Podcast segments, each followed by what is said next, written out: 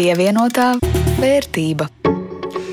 Sveicināti tie, kuri klausās mūsu Latvijas radio viens ēterā, un sveiciens arī tiem, kuri klausās pievienoto vērtību raidierakstu straumēšanas vietās.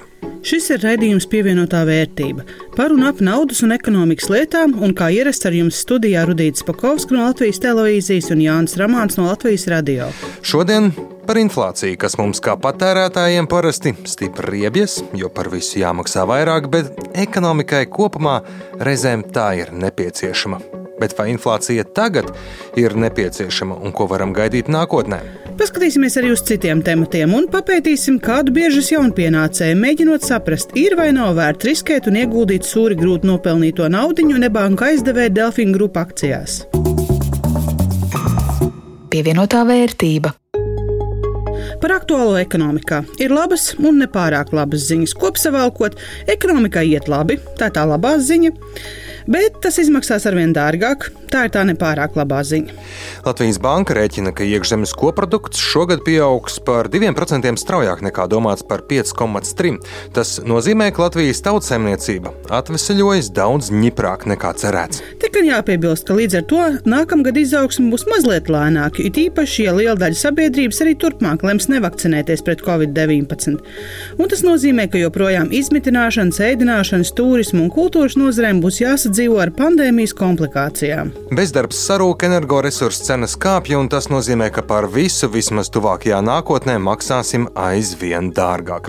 Ap gadu miju Latvijas Banka paredz inflāciju vismaz 5%, visticamāk vairāk, un par to Vairāk pastāstīsim pēc mirkļa. Bet Igauni sāk saprast, ka sapnis ar ātru vilcienu tikt no Tallinas līdz Rīgai un pēc tam uz Vāciju gan nepiepildīsies tik drīz kā cerēts. Dzelzceļa projektām trūkstot 400 miljonu eiro un daļa darbu iekavēta tā, ka to vairs nav iespējams pabeigt līdz sākotnēji noteiktajam termiņam - 2026. gadam, un līnijas pabeigšana būs jāatliek līdz desmit gadus beigām. Lietuvas un Latvijas amatpersonas saka, pie viņiem gan viss notiek kā plānots, un mērķis 2000. 2026. gada beigās uzbūvēt Rail Baltica savas valsts teritorijā, esot iespējams. Latvijas satiksmes ministrs gan piebilst, prioritārs ir dienvidu virziens, nu tā tad Lietuvas virzienā. Ne, nu, diezgan loģiski, kāda jēga plēsties virzienā, kur otrpus robežai sliedas iespējams būs tikai pēc gadiem četriem. Bet, ja no laikā tālām un telpā lielām dzelzceļa līnijām uz tuvākām lietām, tad tik, tikko noslēdzās sociālās uzņēmējdarbības ideju konkurss. Nezinu, vai starp šiem uzņēmumiem ir nākamais Apple vai Tesla. Bet kādēļ man ārkārtīgi patīk sociālā uzņēmējdarbība? Tādēļ, ka tā risina problēmas, kas ir šodien. Nevis, nu, kā bieži nāks to klasiskajā uzņēmējdarbībā, vispirms mēģina izdomāt, kā klientam iestāstīt, ka viņu dzīve bez šī jaunā produkta būs skumja, neliederīga un nožēlojama. Nu, un tāpēc tāpēc ir mazliet jāaptērē naudiņa, lai jauno produktu nopirktu. Un šoreiz piedāvājumā palietīvā aprūpe, rūpes par dzīvniekiem un vēl daudz kas cits, bet gan skatītāju, gan žūrijas favorīti, kas arī tika pie atbalsta, lai turpinātu darbu saistīti ar mācībām un jauniešiem. Acīm redzot, attālinātās mācības vecākus gana nomocījušas, gan likušas pārdomāt, kā labāk palīdzēt skolniekiem. Jā, žūrijas favorīts - intelekta attīstības centrs, kas palīdz mācīties un koncentrēties, ir īpaši hiperaktīviem bērniem, stāsta Oskars Grīslis. Katru dienu šie bērni e-klasē saņem sūdzības. Ja ne katru dienu, tad katru otro un trešo. Un mēs ar šiem bērniem strādājam. Tā ir, tas ir tas mūsu mērķis un tā ir tā mūsu misija. Kā šiem bērniem var palīdzēt? Viņiem var palīdzēt dažādi veidi terapijas, kognitīvie treniņi un arī medikamentozā terapija. Līdz ar to mūsu centra darbības pamatā ir atrast tos risinājumus, kurus piedāvā pasaule šiem bērniem, lai nenāktos izmantot medikamentus. Bet skatītāja favorīts - barboleta attīstošā metode, kas palīdz bērnam apzināties savas emocijas. To dara izmantojot magnētisko tāfeli, uz kuras var ar emocijām darboties un tās saprast. Tas, kā tas strādā, skaidro baiba bļodniece Jurāna. Un tieši darbība ir tā, kas palīdzēs runāt par emocijām daudz vieglāk. Tās ir kartītes, kas palīdz saprast, kādas ir emocijas, apzināties, kā tas strādā manā ķermenī, Un ar šeit redzam, sākotnēji bērni domā, ka bailes un dusmas ir tikai galvā. Vēlāk viņi saprot, ka emocijas varētu atpazīt arī citur ķermenī.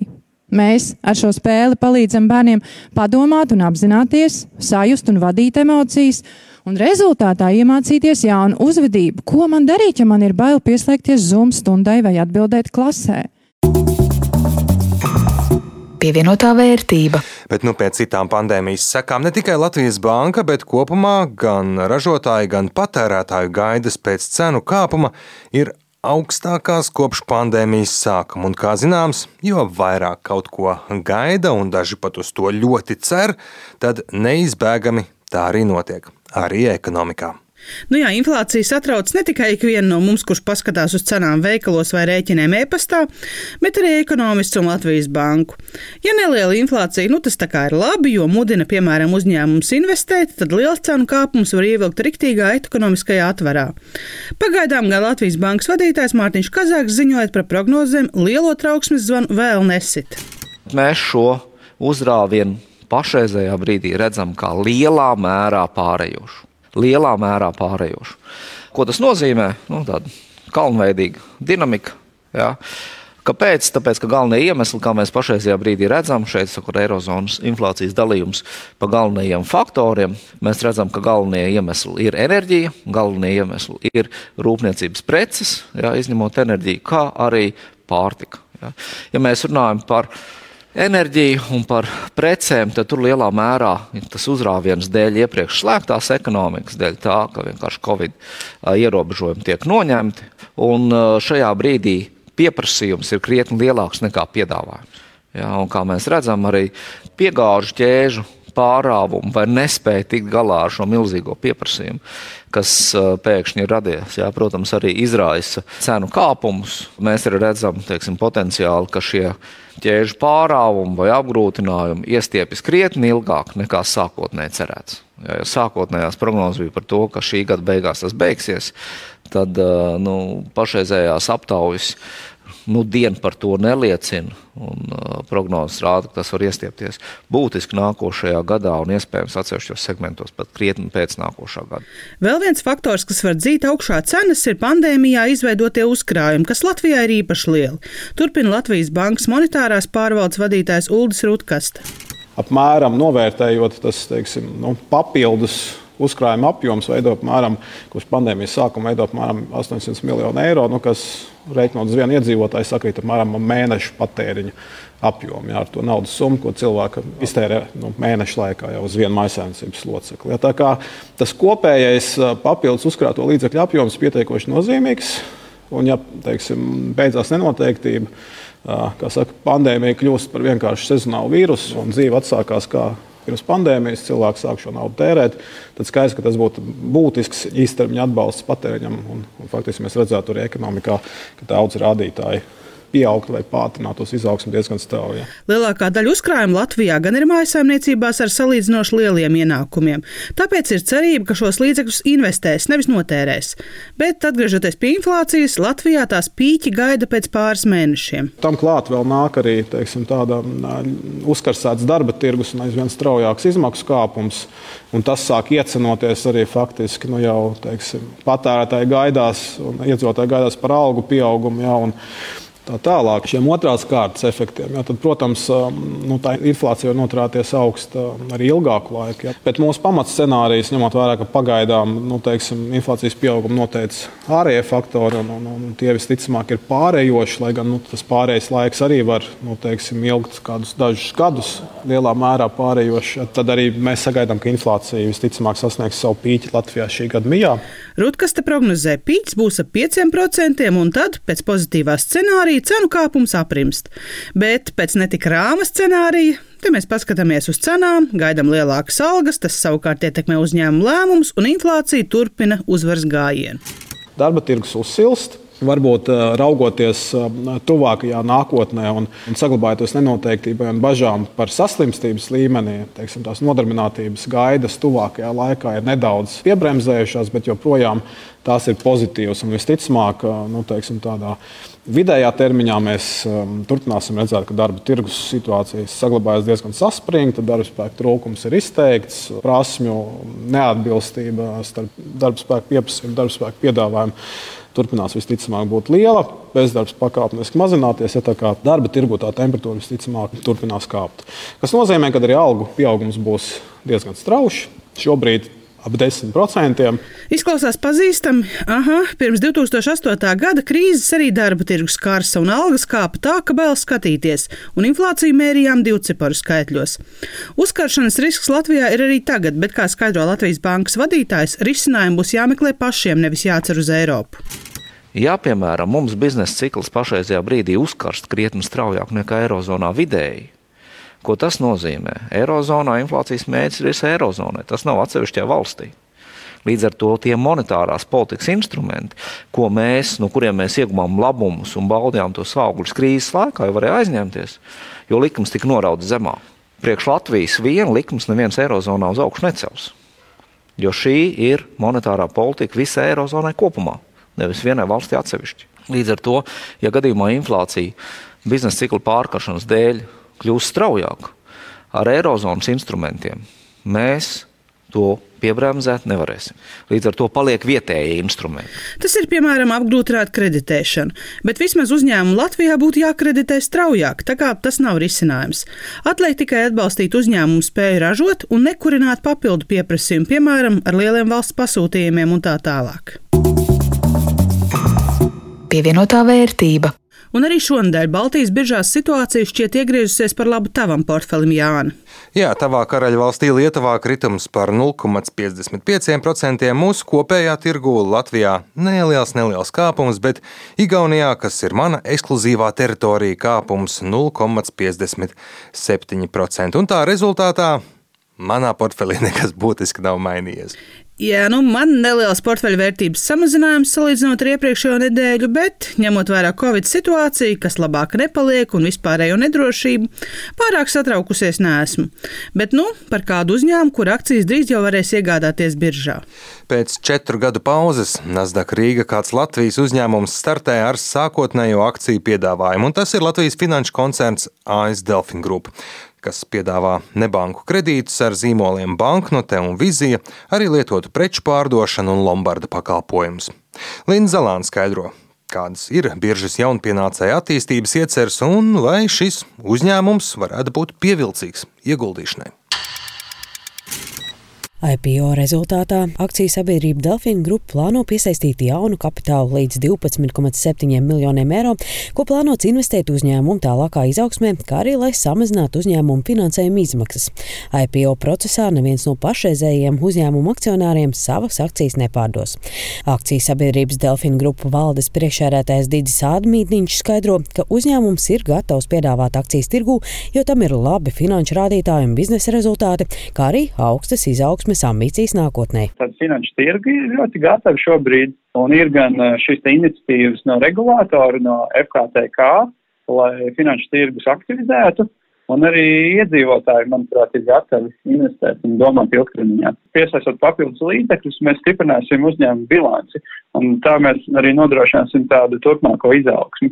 Šie līdzekļi tiks eh, virzīti arī uz tādu uzņēmumu attīstīšanu, uz mūsu filiāļu kvalitātes ziņā un arī ieviešot jaunus pakalpojumus vai arī pakalpojumu uzlabojumus.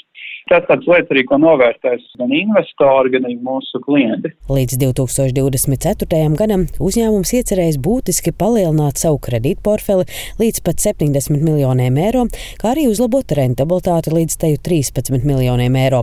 Digis Ādmīdiņš ir pārliecināts, ka Delfina grupa dividendžu politika būs viens no iemesliem, kādēļ investori vēlēsies iegādāties tā akcijas. Mēs izmaksāsim dividendus Mēs viņus izmaksāsim katru ceturksni, vismaz 50% apmērā no iepriekšējā ceturkšņa peļņas un uh, vēl papildus gada dividendus. Un tā ir ļoti laba tāda prakse, jo viņa varbūt nav tik populāra Latvijā un Baltijā, bet, piemēram, otrpus okeāna uh, Amerikas un uh, Kanādas tirgu ir ļoti populāri maksāt tieši ceturkšņu dividendus. Mēs tiešām ticam, ka te investori novērtēs to, jo, protams, ka tas ir daudz patīkamāk saņemt dividendus reizi ceturksnī nekā reizi gadā. Tas mūsu piedāvājums ir veidots tāds, lai viņš būtu pievilcīgs tādam plašam investoru lokam, un mēs sagaidām interesi gan no privātiem investoriem, gan arī no institucionālajiem investoriem. Uzkrājuma ieguldījuma eksperts Kaspars Pēcinieks teica, ka biržas jaunpienācēju var vērtēt pēc tā finanšu rādītājiem. Tad uh, iepriekšējā desmit gadu laikā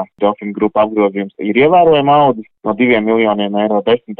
gadā līdz 23 miljoniem 20. gadā. Un, ja apgrozījums ir audzis vairāk nekā 10 reizes šajā laika periodā, tad peļņa pirms nodokļiem ir augusi vairāk nekā 20 reizes no 0,2 miljoniem 10. gadā līdz 4,7 20. gadā. Arī uzņēmums turpinās plānot strauji augt un sasniedzot pat 8,7 miljonu peļņu 22. gadā un 24. gadā jau 12,9 miljonus eiro. Bet kāpēc uzņēmumam ir nepieciešams atrasties biržā? Šajā gadījumā galvenais pamatojums ir attīstība, un, un šim te attīstībai palīdzēs tas, ka IPO rezultātā tiks piesaistīti vairāk nekā 12 miljoni eiro, un tas ļaus uh, Delfina grupai pārfinansēt, jeb nodzēst daļas no savām saistībām, kurām ir augsti procentu izdevumi, un, un tas ļaus atkal pārfinansēt citas saistības vēl lētāk, nu, un tad tā visa rezultātā, ja pa, bija salīdzinoši īsā laikā, nevis paredz, ka ikgadējais ietaupījums tikai uz procentu maksājumiem būs 1,8 miljonu eiro, kas, protams, ir ļoti daudz, un krietni atvieglot peļņas mērķu sasniegšanu nākamajā un aiznākamajos gados. Uzkrājuma ieguldījuma eksperts atzinīgi vērtē uzņēmumu izvēlēto dividendžu politiku, kas par spēcinieks atklāja, ka arī viņiem kopumā Delfina grupa akcijas šķiet pievilcīgas ieguldīšanai. Pat piedalīšos IPO procesā, un ne tikai piedalīšos, bet esmu jau iesniedzis arī savu pieteikumu akciju iegādēji.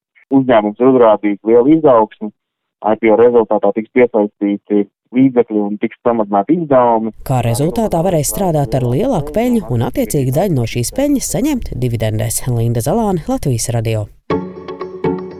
Un ar to arī izskan oktobra pirmais pievienotās vērtības raidījums. To veidoja Jānis Ramāns no Latvijas radio un Rudīts Pakauska no Latvijas televīzijas. Par skaņu rūpējās Renārs Štēmanis, un mūs var noklausīties Latvijas radio mājaslapā, izlasīt sabiedrisko mediju vienotajā portālā LSMLV un noklausīties arī jūsu iecienītākajās raidierakstu vietnēs. Uz tikšanos pēc nedēļas!